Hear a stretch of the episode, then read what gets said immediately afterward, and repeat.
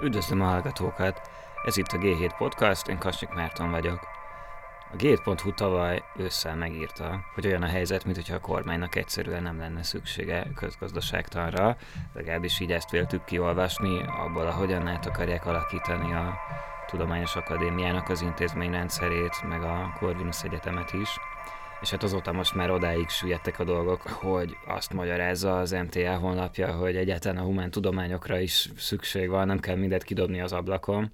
Szóval a helyzet nem túl jó. Mindenesetre én most elhívtam az egyik kutatót az MTA Közgazdaságtudományi Intézetéből, Muraközi Balást, akivel sokkal jobb dolgokról is tudnánk beszélgetni, de először azért inkább azt fogjuk átbeszélni, hogy mi is a helyzet az MTL körül ebben a mostani helyzetben. Szerintem kezdjünk azzal, hogy te mit is csinálsz egész pontosan az intézetben. Én a köz, közgazdasági és regionális tudományok központjában vagyok kutatócsoportvezető, azon belül pedig a Közgazdaságtudományi Intézetben, ami ugye már ennek a folyamat elején végül is kiszivárgott, hogy, a, hogy az egyik olyan intézet, amelyikre talán nem számít hosszabb távon a kormányzat. Hát nagyon, alapvetően nagyon depressziós belülről, pontosan azzal, hogy folyamatos bizonytalanság van, ugye ilyen napi szintű dolgokban is, és különösen hosszabb távú dolgokban. Például most eh, indult januártól egy eh, nagy H2020-as projektünk, amiben kifejezetten komoly szerepet kapott az intézet. Ennek és mi a témája, miről szólt? Ennek a termelékenység mérés a témája, és az a lényeg, hogy kapcsolt mikroadatokon próbálunk meg több országban is a termelékenységet meghatározó ilyen mélyebb tényezők, mint az innováció vagy az immateriális jószágoknak a mérésével foglalkozni. Itt három országban folytak volna kísérleti vizsgál, vagy folynak majd kísérleti vizsgálatok Magyarországon, Dániában és Hollandiában. Tehát így az egyik, a hétből az egyik ilyen partner Magyarország, ahol pont a különösen jó adat hozzáférés miatt ilyen nagyobb szerepet kapott volna ebben a H2020-ban. Csak közben ugye a minisztérium letekerte az intézetnek a finanszírozását. Hát és például ugye jó sok pénz van egy ilyen pályázatban, például arra, hogy felvegyünk fiatal kutatókat és asszisztenseket, és ez kifejezetten nehezen megy, mert azok a fiatal kutatók, akikkel beszéltem, azok vagy külföldre szeretnének menni, vagy inkább elmennek a magánszférába, mert nem szeretnék a pályájukat egy olyan intézetben kezdeni, amit lehet, hogy három hónap múlva bezárnak, vagy bekapcsolják a villanyt. Ugyanígy az asszisztenseknél is. Egy ilyen adatintenzív kutatáshoz kifejezetten sok emberre lenne szükség, és fontos az, hogy jól képzettek legyenek, és tudjanak az adatokkal bánni. Tipikusan a CEUN végeznek ezek az emberek, akik megismerik azokat a módszereket, amikkel nagy adatbázisokat lehet kezelni, és ezeket a fajta becsléseket el lehet végezni. Ha ez egyébként érdekes külön, hogy a CEU ezt eddig nagyjából úgy kommunikálta, hogy ezért Magyarországon is fenn fog tartani egy jelenlétet, meg hát Bécs sincsen annyira messze végül is, csak eddig valamennyire volt egy ilyen helyzeti előnye a magyar diákoknak a CEU-n, ugye. De minden esetre ez most egy csomó tudományterületen meg fogja vágni az utánpótlást, és hát gondolok itt főleg a közgazdaságtanra, ahol egy elég kiemelkedő műhely volt. Hát ez, ezzel teljesen hát egyetértek. Tehát a CEU-nak, a, ha jól értem, akkor mondjuk a képzései, legalábbis a közgazdasági képzései, azok átkerülnek Bécsbe, tehát azok, akik most jelentkeznek a mondjuk a tanítványaim közül, azok Bécsben fogják jövőre kezdeni a tanulmányaikat. Az, hogy a tanszék itt marad, az ugye ezen nem sokat segít, mert hogyha a diákok úgyis Bécsben járnak, egyetemre, ott laknak, akkor nem biztos, hogy visszajönnek Magyarországra. Miközben ez egy teljesen természetes ilyen utánpótlás bázis volt nekünk, hogy akik masteren végeztek a CEUN, azok egy-két évig dolgoztak nálunk kutatási asszisztensként, és akkor utána vagy folytatták tanulmányaikat PhD-n, hogyha megtetszett nekik a kutatás, vagy pedig elmentek magáncégekhez, ahol jól ki tudták használni azt, amit tanultak nálunk, hogy hogy kell adatbázisokat kezelni. Kifejezetten jól tudtak elhelyezkedni, és Aha. jó PhD programokra jutottak be egy kutatónak az élete elég sok mindenben átalakult így az intézményrendszer változásai miatt az utóbbi, hát nem is tudom, hogy években vagy évtizedekben, de hogy ez biztos, hogy korábban nem kellett ennyi mindenre pályázni, mint most. És hogy, hogy, az, hogy az, hogy folyamatosan pályázni kell, meg pályázatokat adminisztrálni, meg ilyesmi, az így mennyi időt vesz el, tehát hogy nem látsz-e olyat, hogy, hogy sok embernél ez már így a kutatói életvitelnek a kárára megy, hogy gyakorlatilag folyamatosan pályázatokat adminisztrálnak emberek. Biztos vannak ilyenek, de én nagyon szerencsésnek gondolom magam ebből a szempontból, mert a, a lendület pályázat, amit 2012-ben nyertem, az ugye 5 évre szólóan ilyen nagyon kiszámítható finanszírozást biztosított, uh-huh. és nagyon rugalmas is volt, egy nagy előnye, hogy, hogy lehetett kutatókat felvenni, vagy adatot venni, anélkül, hogy 130 ezer lapot ki kellett volna tölteni minden uh-huh. alkalommal. Minden évben be kellett számolni, más kutatók elolvasták és, és értékelték a beszámolónkat, tehát nem arról volt szó, hogy számolatlanul költöttük volna a pénzt, tehát el kellett számolni pénzzel is, az eredményekkel is, viszont nem volt annyira bürokratikus, hogy ez igazán megterhelő lett volna. Én ezt egy nagyon jó konstrukciónak gondolom, hogy, hogy fiatal kutatóknak valamennyi keretet érdemes adni, akár kisebbet, akár nagyobbat, amit alapvetően rugalmasan elkölthetnek, amíg, amíg egyrészt teljesítenek és szabályosan költik el.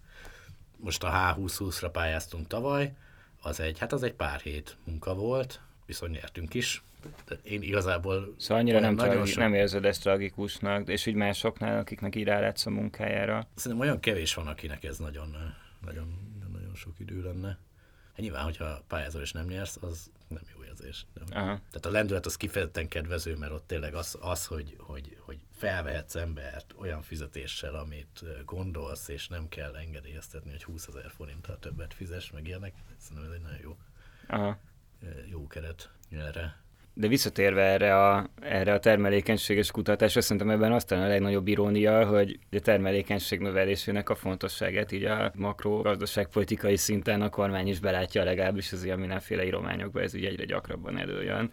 Tehát, hogyha mondjuk pont egy ilyen kutatást lehetetlenítenek el, akkor azzal gyakorlatilag így a saját szakpolitikájukat is tudnák talán javítani vele, hogyha esetleg hagynák, hogy ezek lefussanak. Hát azért ezt valószínűleg a hallgatók is tudják, hogy tehát az elmúlt években elég kevés olyan anyag készült, meg olyan szakpolitikai döntés született, ami legalábbis transzparens módon mérésekkel alá lett volna támasztva, előre lett volna jelezve a hatása a különféle vállalatokra, vagy pedig emberekre. Tavaly az Európai Bizottság megrendelt a csoportunktól egy hosszú tanulmányt arról, hogy miért nő lassan a magyar gazdaság termelékenysége, és az egyik oka annak, hogy megrendelte, az az volt, hogy nagyon kevés információja van erről, mert kevés információt kap a magyar kormánytól, akinek vagy nincs erről információja, vagy nem adja át az Európai Bizottságnak. És akkor ebben a tanulmányban próbáltunk pont olyan kérdéseket vizsgálni, amik, amik fontosak lennének a, akár az agregált, akár, a, akár az iparági vállalati szintű termelékenység növekedéséhez. És azért számos érdekes téma van, amit pont ilyen mikroadatokon meg tudtunk vizsgálni. Aha, mik, mik voltak a legérdekesebb dolgok, amik kijöttek ebből a kutatásból? Szerintem az egyik legérdekesebb az az, hogy a, hogy a világban vannak erős eredmények arról, hogy a, a legtermelékenyebb cégek, a, a frontier cégek, termelékenység az a válság után hasonlóan gyorsan nőtt, mint előtte, viszont a többiek, akik mondjuk nem az a felső néhány százalékában Egy ilyen derékhad, a... vagy hogy mondják ezt magyarul? Hát, de, igen, de hogy itt a, tehát a, a frontier az a néhány százalék a, a tetején az elosztásnak, és az összes többinek viszont lelassult a termelékenység növekedése, tehát a világszintű vagy európai szintű termelékenység lassulás, az igazából a derékhadat érinti, és a frontier cégek azok hasonlóan növekedtek, mint előtte. És emiatt a két ö, csoport termelékenysége divergál, külön egyre, egyre jobban eltér. Magyarországon viszont nem találjuk ezt, tehát Magyarországon ugyanolyan gyorsan nő a frontier termelékenység, vagy egy kicsit lassabban, mint a többieknek a termelékenysége, ami egy nagyon érdekes eredmény, feltetőleg abból adódik, hogy a magyar frontier azok nem globális frontier hanem a globális derékhathoz tartoznak igazából. Tehát hiába gondoljuk azt, hogy az itt működő multik azok alapvetően ugyanolyan jók, mint a világ legjobb cégei, legalábbis ebből a szempontból nem látunk erre bizonyítékot, hanem valószínűleg ők is inkább lemaradnak a, a világnak a legtermelékenyebb vállalataitól. De ennek mi lehet az oka talán az, hogy mondjuk nem a legtechnológiai intenzívebb iparágakban vagyunk igazán nagyok? Vagy az, tehát ez, az, azt ki tudjuk zárni, hogy ez iparág ilyen összetétel hatás lenne, mert pontosan látjuk a vállalatok iparágát, és iparáganként vannak definiálva ezek a termelékenységi határok, tehát az biztos, hogy nem iparági összetétel hatás, Hát ugye lehet, hogy nem a legtermelékenyebb vállalatok jelennek meg itt, nem ők fektetnek be, vagy pedig nem ide hozzák a legtermelékenyebb technológiájukat, mert nem olyan a környezet, hogy Magyarországon, ami a, igazán ezekre a, a legfejlettebb technológiák befektetésére bátorítaná őket. Egy korlátja viszont az elemzésünknek az az, hogy igazából mi csak Magyarországot vizsgáltuk, és az OECD-nek vannak összehasonlító tanulmányai, amiben hasonló eredmény jön ki, mint Magyarországra, mint nekünk, tehát ilyen szempontból biztos, hogy jó az eredmény, de sajnos abban sincsen benne a többi kelet-közép-európai ország, és igazából ugye az lenne az érdekes tudni, hogy ez egész Közép-Európában igaz ez a jelenség, vagy pedig valahogy Magyarországon erősebb. Még egy ország van az OECD összehasonlításban, ahol hasonló mintát látunk, és az Olaszország. Uh-huh. De a, sajnos tényleg nem tudjuk, hogy a többi kelet-közép-európai országban mi a helyzet ebből a szempontból. Hmm.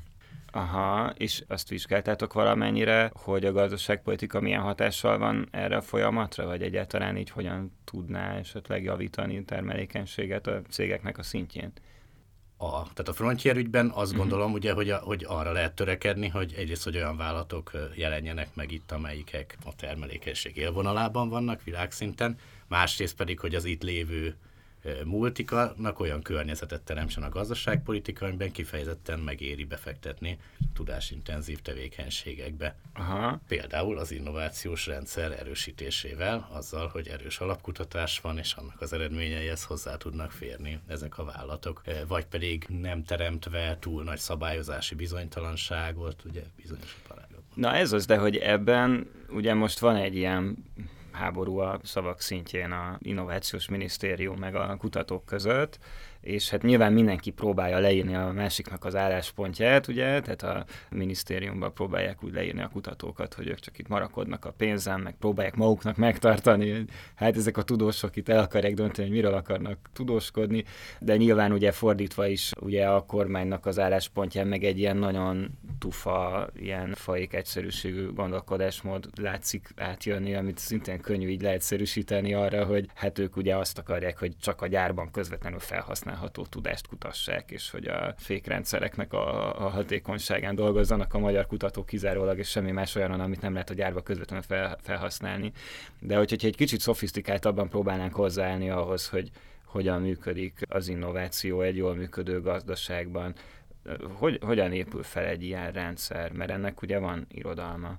Igen, és vannak olyan nemzetközi szervezetek, amik kifejezetten tanácsokat szoktak adni országoknak, akár az Európai Unió vagy az OECD, hogy hogyan lehet hatékony innovációs rendszereket létrehozni, és hogyan lehet azokat erősíteni. És például, hogyha az ember megnézi ezeket az ajánlásokat, akkor az kiderül, hogy az alapkutatásnak a finanszírozása az mindenképp kell, hogy tartalmazzon kiszámítható állandó elemeket, és csak részben épülhet pályázati finanszírozásra. Pontosan azért, mert akár egy olyan H20-20-as pályázathoz, ami mondjuk a miénk azt hiszem kifejezetten egy alkalmazott és, és a gazdaságpolitika számára érdekes eredményeket hozó kutatás, ahhoz is szükség van olyan alapra és kiszámíthatóságra, ami miatt, amire lehet építeni. Lehet építeni arra, hogy vannak kutatók, akik tartósan ott dolgoznak a, az intézetünkben, lehet arra építeni, hogy, hogy a sok év alatt felépített adathozzáférésünk megmarad, sőt továbbfejlődik, hogyha van erre erőforrás, vagy van áram a konnektorban. Uh-huh. Ugye, hogyha nincsenek ilyen alapok, akkor nem tudunk pályázni igazából mondjuk H2020-ra, külső EU-s finanszírozásra. Tehát ez így néz ki a gyakorlatban. Tehát, hogyha nincs meg ez az alapfinanszírozás, akkor elesik az összes kutatóintézet fel azoktól a többletforrásoktól, amikre pályázni lehetne. Hát magához az EU-s pályázathoz meg kell mutatni azt, hogy ez egy olyan intézet, amelyik megfelelő eszközökkel, emberekkel rendelkezik, és hasonló projekteket már csinált. Aha, de ezzel szemben ugye gondolom a kormány az azt gondolja, hogy attól még, hogy ők irányítják kézileg ezt az egész kutatóhálózatot, attól még ugyanúgy lehet pályázni. Mert végül is, mintha ez lenne a, a végkicsengése ennek a folyamatnak, hogy valahogyan a kormány most azon túl, hogy, hogy vannak, akiket a létében is fenyeget ez az átalakítás, de hogy, hogy valamilyen szinten ugye az autonómiáját akarják megszüntetni ezeknek a kutatóintézeteknek. Hát de ugye, ha, ha jól értem, akkor most, eh, most ugye az alap működésére pályáznak ezek az intézetek, tehát például arra a működésre, amit adottnak vettünk, amikor pályáztunk a H2020-as projektünkre. És benne is van a költségvetési törvény. Benne van a költségvetési törvény, és mi is beígértük igen, igazából ezeket az erőforrásokat, hogy ezek ott vannak. Például az adathozzáférésünk, meg, meg azok a kutatók, akik, akik úgy tudtuk, hogy határozatlan idejű szerződéssel dolgoznak az intézetben. Igen, és ráadásul vannak kutatók, akiket ez így személyesen is kellemetlenül érint, nem? Hogy, hogy a saját reputációjukat belerakták ezekbe a pályázatokba, megkapták, nyertek, elindultak ezek a nemzetközi együttműködések, és akkor most egyszer csak azt kell mondani évelején, hogy, hogy ja, bocs, srácok, lehet, hogy, lehet, hogy nem is hát reméljük, fog már nem létezni. Kell, nem kell mondani, de például az egyáltalán nem világos a, mindabból, ami történik, hogy olyan részletekre bárki tekintettel lenne, hogy ezek az adathozzáférések hogy alakulnak. Ez egy nagyon érzékeny együttműködés a, a KSH és a, és a Magyar Tudományos Akadémia között, és magas szintű bizalmon alapuló együttműködés, hogy egy kutatószobában egyéni szintű adatokkal dolgozhatunk, mindenféle érzékeny adatokkal, ami, és bármilyen eredményünket utána a KSH ellenőrzi, hogy nem tartalmaz egyéni információt, de az, hogy ez, hogy, hogy ez a rendszer kialakult, ami egyrészt az a biztosítja azt, hogy semmiképpen ne kerülhessen ki egyéni információ, másrészt viszont hozzáférnek a kutatók ezekhez az összekötött adatokhoz. Ez nehezen tud fennmaradni akkor, hogyha két hetente radikálisan megváltozik mondjuk a jogi státusza az intézetnek, vagy beolvad egy egyetembe, ahol száz ezer diák is szeretne esetleg hozzáférni ezekhez az adatokhoz. Aha, szerintem így, így beszélhetne egyébként kicsit így azoknak, akik nem ismerik annyira az intézet működését belülről, hogy mi ez az adatszoba, mi van nálatok, uh-huh. és hogy milyen eredményeket lehet várni attól, hogy ezt így sikerült létrehozni. Azok a fajta kutatások, amik, amiket mi végzünk, azok nagyrészt arra épülnek, hogy vállati és egyéni adatokat összekapcsolunk egymásra. Tehát különböző vállati adatokat, például a vállalatok mérlegét, az innovációs felmérésekkel, a K plusz F felmérésekkel és az egyéni dolgozói adatokkal, és mondjuk ilyen adatokkal lehet azt hatékonyan vizsgálni, hogyha egy vállalat innovációt vezet be, akkor mi történik a dolgozóinak a bérével, vagy kiket vesz fel, kiket bocsát el, hogyan történik igazából a munkahelyteremtés, hogyan történik az előrelépés a termelékenységbe. És hogyha ezek a kapcsolt adatok nem hozzáférhetők, akkor sokkal kevésbé hatékonyan tudjuk ezt vizsgálni. Igen, tehát ez az, ami az egyszerű újságíró, amikor próbál KSH adatokkal dolgozni, mindig, mindig beleütközik abba a problémába, hogy egy bizonyos szint alatt már így nem tud tovább Tehát két, két probléma Igen. van, az egyik az, hogy csak magasabb agregáltsági szinten Igen. lehet hozzáférni, és ezért nem lehet megnézni azt, hogy konkrétan, ha egy vállalat mondjuk támogatást kap az államtól, akkor mi történik vele. Meg lehet nézni, hogy egy iparágban mennyi támogatás van és mi történik ott átlagosan a vállalatokkal, de ugye nem, de, de az igazán jó összehasonlítás az, hogy ha látunk nagyon hasonló támogatott és nem támogatott vállalatokat, és meg tudjuk nézni, hogy hogy változik a támogatott a nem támogatotthoz képest. Ehhez vállalati szintű adatra van szükség. Másik korlát pedig az, hogy mondjuk tíz évvel ezelőtt az megvolt, hogy mondjuk a vállalati adatok megvannak vállalat szinten, de nem voltak összekapcsolva például az innovációs vagy a támogatási adatokkal. És ez egy nagyon nagy előrelépés, hogy a különböző adatbázisok összekapcsolhatóvá válnak egymással, és tényleg Magyarország európai élvonalában van a közgazdasági adatok összekapcsolását tekintve, és abban az együttműködésben is, hogy hogyan folyik ezeknek az adatoknak a kutatása. Igen, egy picit az ebben a fura, nem? Hogy annyira adódna, hogy ezekre a kutatásokra építsen a gazdaságpolitika, nem? Mert leginkább ez lenne a funkciója ezeknek, legalábbis az ilyen közgazdaságtani alkalmazott kutatásoknak, hogy hát ugye az alkalmazás az az, hogy jó gazdaságpolitika legyen belőle, és, és minél többet felhasználjanak ebből, de ugye most már lassan egy évtizede gyakorlatilag ez nem látszik annyira megvalósulni. Tehát nem olyan érzés ez picit, mint hogyha így a semmiben lebegne egy picit így az egész kutatási terület Magyarországon.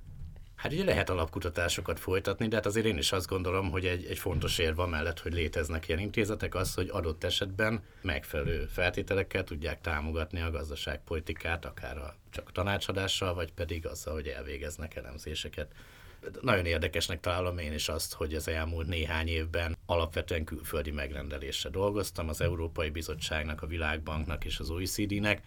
Őket jobban érdekli, hogy Egy kicsit dolgoztam minisztériumnak is, és azért érdekel, meg a költségvetés tanácsnak érdekelték őket is az eredmények, tehát ez nem igaz, hogy egyáltalán mm. semmilyen érdeklődés nincsen az eredményekre. De mint hogy igen, mint hogyha a nemzetközi közösséget jobban érdekelne az, hogy Magyarországon mi történik, és milyen lenne a jó politika, vagy mi lehet a különböző politikák hatása.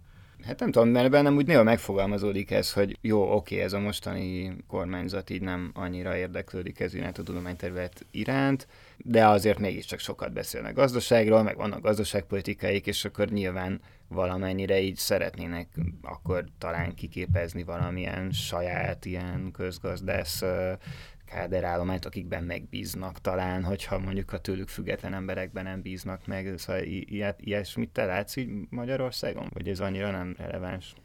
Hát az egyik dolog, amit erre tudok válaszolni, az az, hogy, tehát, hogy nincsen matolcsista, megalapozott közgazdaságtudomány, különösen nem matolcsista ökonometria. Alapvetően eh, azok a, a statisztikai módszerek, amiket használunk, azokat használja mindenki a világon, összehasonl- egyik váltot támogatták, másikat nem, összehasonlítjuk a kettőt.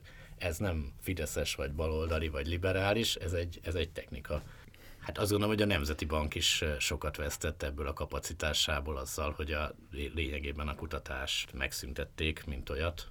Ugye a minisztériumban is voltak régen ilyen egységek, amelyikeknek ez volt a feladatuk, hogy például a különböző adóváltozásoknak a hatását előre ezekkel, pontosan ezekkel az egyéni adatokon alapuló módszerekkel, amiket mi is használunk és persze most is van valamennyi, de sokkal kisebb és, és sokkal bizonytalanabb körülmények között működnek, amennyire látom. Igen, de az a fura, hogy nem, nem volt ebből akkora ilyen gazdaságpolitikai pofára esés, vagy lehet, hogy itt az a probléma, hogy ennek az időhorizontja más, hogy, hogy az, amilyen hibákat el tudnának kerülni azzal, hogyha odafigyelnének rendesen a, a, a kutatásoknak az eredményeire, akkor mondjuk ilyen évtizedekben mérhető időtávon sikerülne valamit javítani. Lehet, hogy ez ezzel a probléma, de hogy ez mondjuk mégiscsak látható, hogy egy csomóan ilyen rövid távú bukást jósoltak a kormány gazdaságpolitikájának akár néhány évvel ezelőtt is, és most mégis azt látni, hogy ez így legalábbis közvetlenül számokban így nem látszik. Tehát ugye azért tudunk mondani kirívó példákat, mint például az internetadó, ugye 200 forint gigabájtonként, hogyha jól emlékszem, és Igen. ki lehet számolni, hogy a az nem nagyon volt végig gondolva. 20-30 százalékát lehet beszedni. Tehát ugye, és, és ezeknél valószínűleg egy gimnazista bőven ki tudta volna számolni, hogy ez teljesen irreális.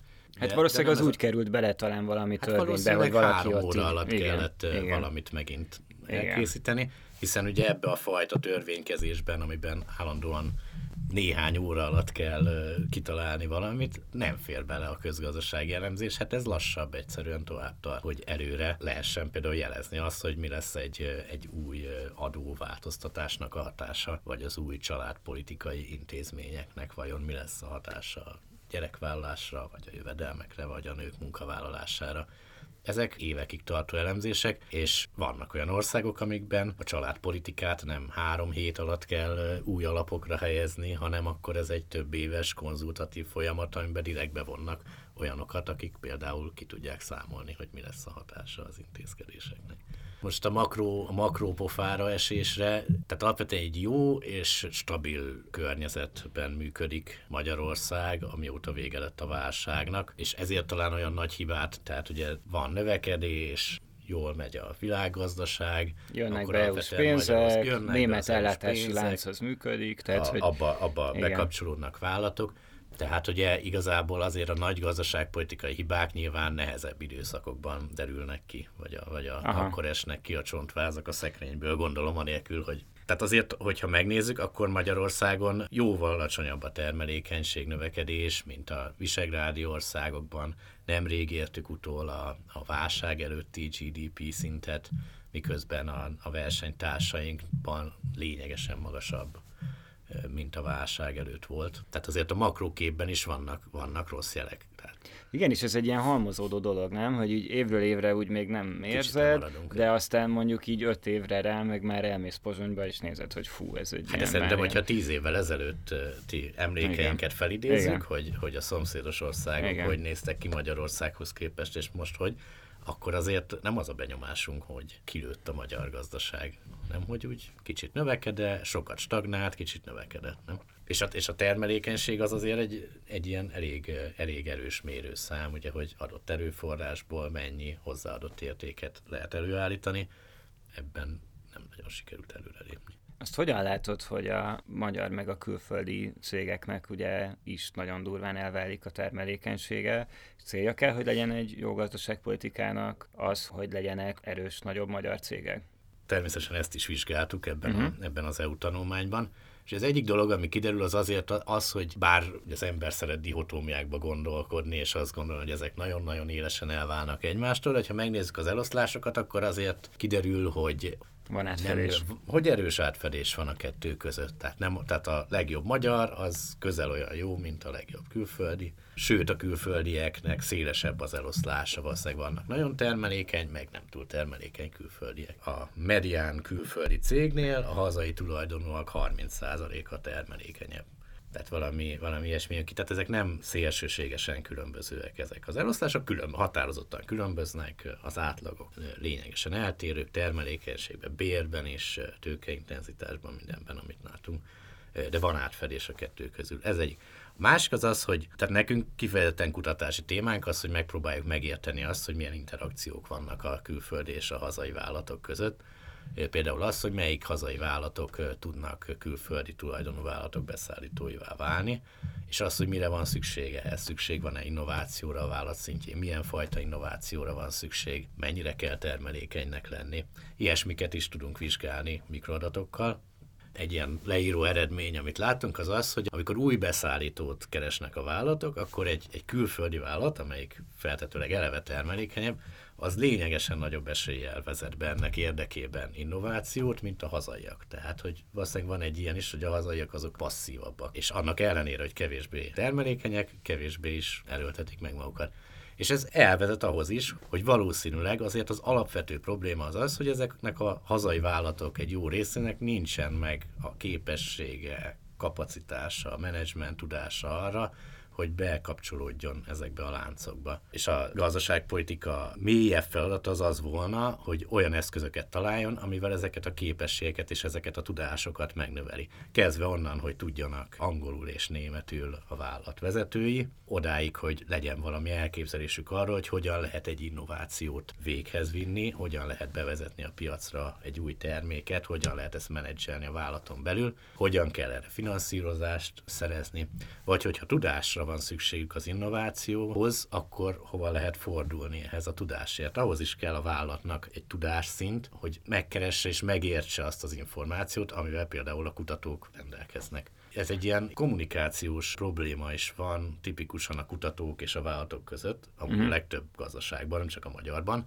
de mondjuk az, ilyen magyarhoz hasonló fejlettségű gazdaságokban ez, ez kifejezetten erős, hogy nem tudnak kommunikálni egymással, hogy a, hogy a kutató nem teljesen érti, hogy mit akar a, vállalati mérnök, a mérnök pedig nem tudja értelmezni esetleg, hogy mit mond a kutató, és a kutató csinál egy kutatást, de esetleg nem használható a vállalatnak. És az egy jogos igény, hogy a kutatók legyenek egy kicsit jobban felkészülve arra, hogy hogyan működik a vállalati innováció, és még tanulják meg ők is valamikor, hogy ez hogy működik a mérnökök vagy a természettudósok is, ezt, ezt értsék meg jobban és ez, ez, ez, ez egy fontos. De más oldalról, a vállalatok oldaláról látjuk azt, hogy nagyon kevesen innoválnak, akik innoválnak, azok közül is nagyon kevesen vesznek bármilyen formalizált tudást igénybe, és ezeken javítani kell mind a két oldalról. Aha, tehát hogy valahogyan azt kellene ösztönözni hogy innováljanak, de azért ne csak beírjanak valami innovációt, hogy kapjanak valami adókedvezményt, vagy támogatást fel tudjanak venni, hanem egy valódi innovációt próbálnak meg, de gondolom, hogy ez tökre kockázatos, nem a cég szempontjából, mert néha egy, nem, hogyha, nem, hogyha beruházol valamit, egy költesz arra pénzt, meg erőforrást teszed bele, hogy valami változzon, akkor az elsülhet visszafelé is, nem? Gondolom, az, ettől félnek sokan. Tehát az első felére, hogy befrémelted nekem, tehát hogy hogy itt nem arról van szó, hogy valami kamut csinálna a vállalat, hanem arról van szó, hogy az innováció a vállalat számára teljesen joggal azt jelenti mondjuk, hogy egy hasonló terméket ő maga is elkezd gyártani, kicsit átalakítja és piacra dobja. Ez egy, hát- ez közgazdaság értelemben ez egy innovációnak számít. Uh-huh. De az a kérdés, hogy ha ennél high-tech mélyebb, alapvetőbb innovációt szeretne végrehajtani, akkor vannak -e ehhez képessége, és vannak-e az adott innovációs rendszerben olyan csatornák, amin hozzáfér ahhoz a tudáshoz, amire szüksége van. De ez egyébként nagyon erősen összejön ezzel a transferáras témával, nem? Tehát, hogy ezzel tudtatok kezdeni valamit? Tehát, hogy egy csomó magyarországi külföldi irányvállalat most, hogy idehozza a nyerességet, vagy elviszi innen a nyerességet, az nagyjából mindegy, de hogy ezek ilyen technikák, hogy a cégen belüli elszámoló árakkal lehet mozgatni ugye a nyerességet, és akkor ez végül is valamennyire módosítja a termelékenységi mutatókat is adott esetben, nem? Így van, tehát ez a termelékenység. Meg, meg, a, meg, meg az innovációs kiadásokat is, mert csomószor ez innovációs kiadásnak van beírva, hogy mondjuk vesznek valami innovációt a német vállalatközpontból, az azt jelenti, hogy, hogy elvisznek nyereséget Németországba. Tehát, hogy ezzel a, a kutatás szintjén mit lehet kezdeni az ilyen dolgokkal? Hát az elsővel, hogy a termelékenységet, ami ugye hozzáadott érték per mm. input, az nyilván befolyásolja Igen. az, hogy, hogy, hogy a költség, mennyi a nyereség, milyen, hogy mennyi a nyereség, milyen áron vett valamit, és milyen Igen. áron adta tovább. Tehát ez, ez, egy, ez egy probléma, ezt nagyon nehéz kezelni igazából, vagy nagyon részletes adatokkal lehet. Tehát ez el tudja torzítani a hazai külföldi összehasonlítást. Tényleg nem világos, hogy milyen irányba torzítja Igen. el, de ezzel igazából tényleg nem lehet sokat kezdeni. Kivéve, hogyha valaki elkezdi minden vállalatnak szétszedni a mindenféle kimutatásait. Ilyen, hát ilyen, igen, de akkor már tényleg interjúzni kéne. Ez a, ez a, de azért, igen, és de ezek teljesen, tehát vannak ilyen módszerek, van, aki ezeket használja, amilyen módszereket mi használunk, az ilyen nagy mintás, sok tízezer vállalatot mhm. vizsgál, uh-huh. Ebben igazából erre nem igazán van lehetőség, hogy egyenként ezeket a tételeket vizsgáljuk, statisztikai módszerekkel tudunk esetleg korrigálni, hogyha látjuk azt, hogy nagyon drágán adott el termékeket. Szerintem fontos megkülönböztetni amúgy a K plusz F-et, ami ugye a kutatásra költött pénz, ami gyakorlatilag azt jelenti, hogy vannak a vállalatnak olyan alkalmazottjai, akik kutatók, uh-huh. és az innovációt. Az innováció az, hogy bevezet egy új terméket, eljárást, vagy pedig mondjuk menedzsment módszert. Ugye a K plusz F az az, hogy konkrétan ott a vállalatban kutatók inkben vagy fehér köpenyben kutatnak. Ugye az egy félreértés, hogy ezek között igazán erős kapcsolat lenne mondjuk Magyarországon, mert pontosan amit mondtál, az igaz, hogy, hogy vannak olyan nemzetközi vállalatok, akiknek óriási K plusz F költésük van, mert itt van a kutató részlegük, de annak a kutatásnak az eredményeit, azokat nagy részt külföldi piacon fogják hasznosítani, kis részt pedig a hazai.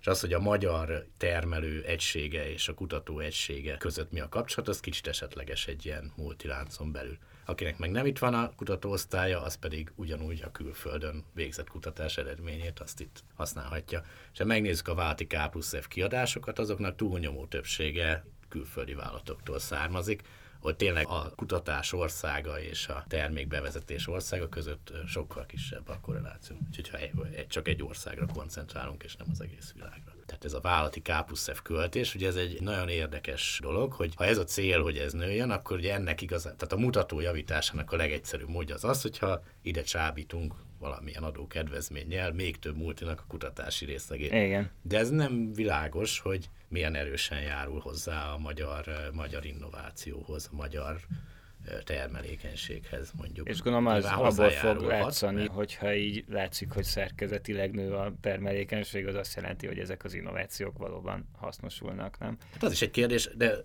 nyilván ennek tehát jó, hogyha itt folyik a kutatás, akkor dolgoznak Magyarországon magasan képzett emberek, azok esetleg átmehetnek hazai vállalathoz is, azt a tudást, ami ott van, az, az Magyarországon van. De igazából a kulcskérdés az pontosan az, hogy azok a hazai tulajdonú vállalatok, akik nem innoválnak, azoknak hogyan lehet növelni az innovációs tevékenység, és nem világos, hogy azzal, hogy egy multi ide telepít egy K plusz F központot. Aha, tehát mondjuk az, hogy egy gyárban bevezetnek valamilyen modernebb ilyen termelés irányítási technológiát, az lehet, hogy sokkal nagyobbat tud javítani például mondjuk a, azon. Hát, hogyha mi... sok kis vállalatban bevezetnek uh-huh. ilyen technológiákat, mert megtudják, hogy van, megismerik azokat a menedzsment módszereket, amivel be lehet ezeket a technológiákat vezetni, ugye ez lényegesen megnövelheti a termelékenységet. Tehát ez megnöveli 20%-kal, az ugye egy, egy óriási különbség ezeknek a cégeknek, meg a dolgozóiknak. Aha. Igen, és gondolom mondjuk az lehet, hogy egy probléma Magyarországon, hogy, hogy nincsen nagyon olyan szerv, vagy akár iparági testület, vagy bármi, ami mondjuk például ezeket a modernebb menedzsment módszereket terjeszteni. Hát lehet, hogy ez is egy probléma, de hát azért a fő helye ennek a tudás megszerzésének az a felsőoktatás kellene, hogy legyen, amiből úgy látszik, hogy nem sajátítják el a menedzserek ezt a tudást. Nehezen beszélnek nyelveket, nem tanulják meg a modern menedzsment technológiákat eléggé, úgy látszik. Aha. Tehát, tehát azért a versenyképesség növelés egy fókusza az az, hogy minél jobb üzleti képzés folyjon egy országban ami nyilván, nyilván szintén nem baj, hogyha azon az egyetemen, ahol folyik ez a képzés, van közgazdasági tudás és közgazdasági kutatás is. Például, hogy akkor ezek a menedzserek jobban megértsék, hogy mire számíthatnak a közgazdászoktól, közgazdászkutatóktól, hogyha szükségük van valamire. Hát igen, gondolom az lesz majd a kérdés, hogy ez az ökoszisztéma hogy tud működni majd a jövőben, hogyha pont a legmagasabb színvonalú részét veszik ki belőle. Jó, tehát térjünk vissza még egy picit ehhez a, a kutatáshoz, amit most az Európai Bizottságnak csináltatok. Voltak még abban ilyen figyelemre méltó eredmények? Számomra, ami nagyon, nagyon érdekes volt, az az, hogy gyakran van ez a, ez a KKV fókusz, ugye a kis és középvállalatokkal mit kell csinálni, hogy versenyképesebbé váljanak. De amit az adatokban lehet látni, az az, hogy hogy a dolgozók számát tekintve hasonlóan fontosak azok az emberek, akik nem ilyen cégekben dolgoznak, hanem egyéni vállalkozók, vagy más módon önfoglalkoztatók. Tehát akik nem, nem KFT-ben dolgoznak, ahol van néhány dolgozó legalább, hanem saját kis vállalkozásukat menedzselik. Azt látjuk, az nagyon kevés adat van ezekről az emberekről, de két dolgot látunk. Az egyik az, hogy nagyon sokan vannak, Másik az, hogy nagyon alacsony a termelékenységük, tehát mondjuk harmada egy, egy ilyen kis vállalatban dolgozó. Ezt, ezt mivel lehet tudni, hogyha nekik nem kell semmilyen jelentést, tehát hogy nincsenek nagyon adatok arról, hogy milyen gazdasági tevékenységet csinálnak? Van nyilvántartás minden gazdasági szervezetről, a gazdasági szervezetek regisztere, amiben az alapinformációk megvannak az egyéni vállalkozókról is, és mondjuk lehet tudni, hogy hányan dolgoznak mhm, ezekben uh-huh, a uh-huh. entitásokban, nyilván nulla vagy egy ember, és, és hogy mennyi a bevétele. És ebből meg lehet ilyen nagyon durván becsülni a termelékenységet. És ugye az, hogy ugye az átlagos termelékenység az országban az az, hogy összesen mennyi hozzáadott érték készült, és hányan dolgoznak. Ugye ebben az agregált számban nagyon nagy súlyjal kerülnek be egyébként ezek az emberek, akiknek nem is tudjuk pontosan, hogy mekkora a termelékenysége, biztos megbecsli Hát ebben az a furanám, hogy mondjuk az, hogy látjuk, hogy mennyi a bevételük, de hát közben meg az egyéni vállalkozók között elég nagy a fekete munka aránya, ezt mindenki tudja, aki cserélt már gázbojlert a lakásában. De ugye kérdés, hogy, hogy tehát nyilván végtelen sok mérési probléma van azzal kapcsolatban, hogy mennyire termelékenyek ezek az emberek de azt hiszem, hogy a bizonyos szempontból ugye a, a gazdaságpolitika teljesen elhanyagolja ezt a csoportot, tehát támogatja mindenféle eszközzel a KKV-kat, azokat a cégeket, ahol legalább néhány alkalmazott van, azok hozzáférnek mindenféle támogatásokhoz és más állami segítséghez, miközben itt van több százezer ember, akik beragadtak olyan státuszba, ami helyett valószínűleg sokkal szívesebben dolgoznának egy vállalatban, rendes állásban és igazából nekik nagyon keveset kínál a gazdaságpolitika, és nagyon nehéz látni azt, hogy ők hogy tudnak előrelépni, akár mint egyéni vállalkozók, akár egyéni vállalkozóból alkalmazottá egy olyan vállalatban, ami, ami valószínűleg sokkal hatékonyabban működik hozzájuk képest, és szerintem ez lehetne a gazdaságpolitikának egy, egy prioritása, hogy er, erről a több százezer emberről gondoljon valamit, hogy hogyan tudja őket támogatni ebben, hogy előrébb tudjanak lépni ami hangsúlyozom, hogy az agregált termelékenységre valószínűleg alapvető hatással lenne. Az érdekes, hogy tehát ez a probléma, ez párhuzamos azzal, ami fejlődő gazdaságokban van. Ugye ott az a probléma, hogy a dolgozóknak nagyon nagy része az informális szektorban dolgozik, nagyon alacsony termelékenységgel, és ugye nem fizet adót, hasonló okokból, hogy egyszerűen nem a munkájukat nem tudják annyiért eladni a piacon, mint amennyi a formálissá válásnál szükséges volna, tehát hogy valami minimálbért kitermeljen. Itt is ugye hasonló a probléma, hogy nem világos, hogy annyi hozzáadott értéket előállítanak-e, ami elég mondjuk a minimálbérnek a kitermeléséhez. És ugye ez egy nagyon káros jelenség a fejlődő országban, mert egyrészt több adót kell fizetnie a bejelentetteknek, Másrészt ugye nagyon hülye versenyhelyzetek alakulnak ki, ugye olyanokkal versenyzel, akik nincsenek bejelentve, és nem vonatkoznak rájuk azok a szabályok, amik a bejelentett cégekre vonatkoznak. De akár csak ilyen szabályozási ügyekben, hogy hogy kell a boltot üzemeltetni kell, mostó, nem tudom, micsoda. És ugye ez egy, ez egy hasonló probléma, de közben ugye adót is kell fizetniük Magyarországon. Hiszen lehet, lehet, hogy lehetne tanulni azokból a módszerekből, amit a fejlődő országok használnak egyébként az ilyen, ilyen embereknek a segítésére. Aha. Na jó, szerintem hagyjuk most egy kicsit Magyarországot, és én, én úgy tudom, hogy te voltál most ezen az amerikai közgazdász kongresszuson évelején, Aha. ami hát én mindig szoktam csak olvasni róla a cikkeket, hogy, hogy ez az a hely, ahol meg lehet nézni, hogy itt mi a menő a közgazdaságtanban, úgyhogy inkább megkérdeznélek erről téged, hogy hogyan látod most, mi éppen a legjobban felkapott, akár kutatási terület, akár módszertan, vagy, vagy bármi ilyesmi a közgazdaságtan világában. Szerintem módszertanilag az egyik legérdekesebb fejlemény az elmúlt években az az, ahogy összeér az ökonometria, tehát az oksági hatások kimutatására, tehát megfigyelési adatból, társadalom tudományi adatokból oksági hatás kimutatását célzó statisztikai eszközök, egyik oldalról, másik oldalról pedig a gépi tanulás. Ugye a kettő között ö, alapvető szemléletbeli különbség van, mert a, az ökonometriának az a célja, hogy, hogy oksági hatást mutassunk meg, tehát ha megemelkedik az adó, akkor mennyivel fog megnőni az adóbevétel, vagy mennyivel fognak kevesebbet dolgozni az emberek. A, a gépi tanulásnak pedig az a célja, hogy, a, hogy előrejelezzen, és nem érdekli különösebben, hogy oksági kapcsolatokat mutat-e, vagy melyik változók kerülnek be a modellbe, az érdekli, hogy minél jobban előrejelezzen.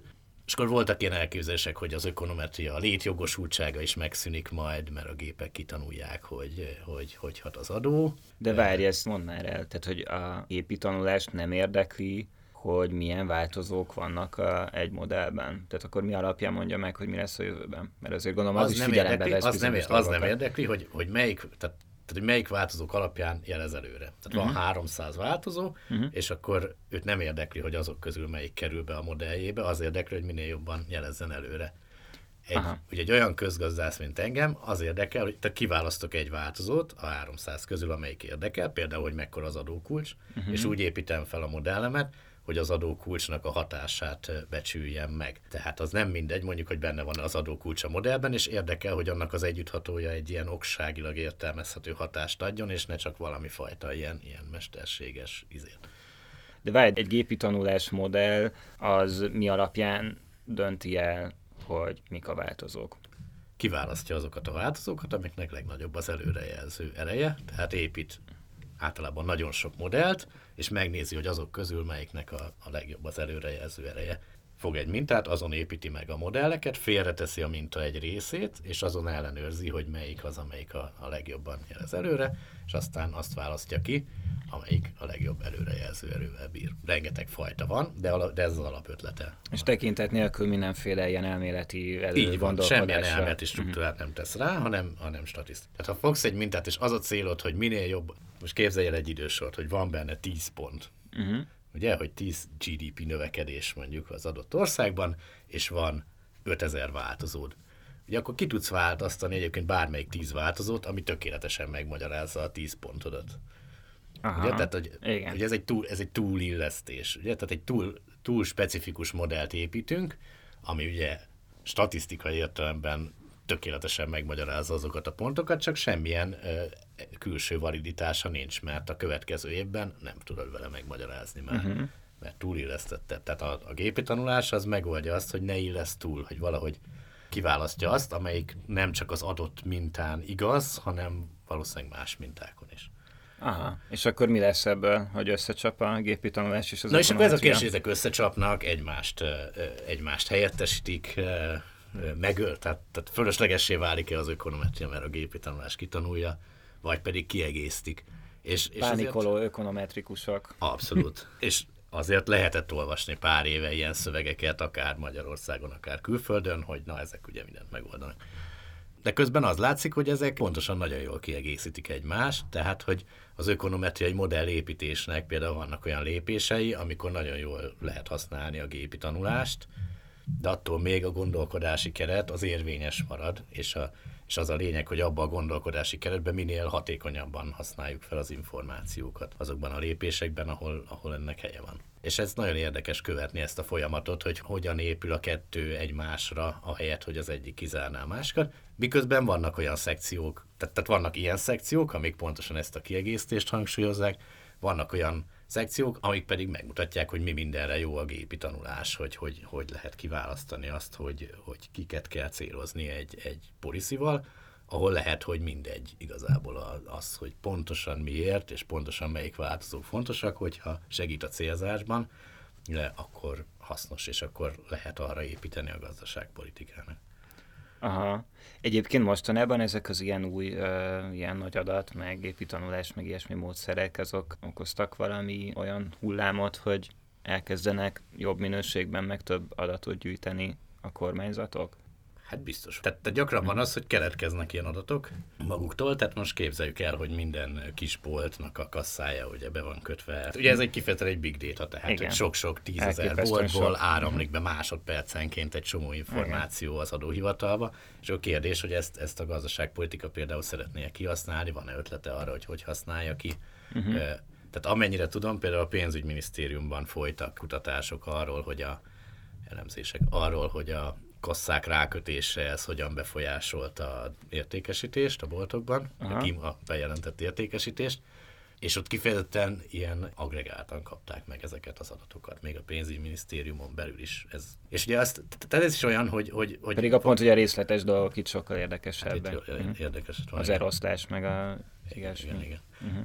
De hogy itt is ugye az, az a nagyon érdekes, hogy, hogy hogyan tud összeérni az, hogy egy, egy, ugye egy ilyen, valószínűleg egy ilyen IT rendszerbe beérkezik egy csomó adat, ez hogyan tud összeérni utána a adóhivatalnak a tevékenységével, vagy akár a kutatók tevékenységével a láncnak a másik végén. Uh-huh. Ugye, tehát itt nagyon nagy kommunikációs és társadalmi távolságok vannak, amiket jó esetben le lehet küzdeni. De hogyha mondjuk nagyon kockázatkerülőek azok az állami szervek, amiknél megjelennek azok az adatok, akkor valószínűleg inkább nem adják oda senkinek, hogy nehogy valamilyen, valamilyen rossz célra használják fel az adatokat.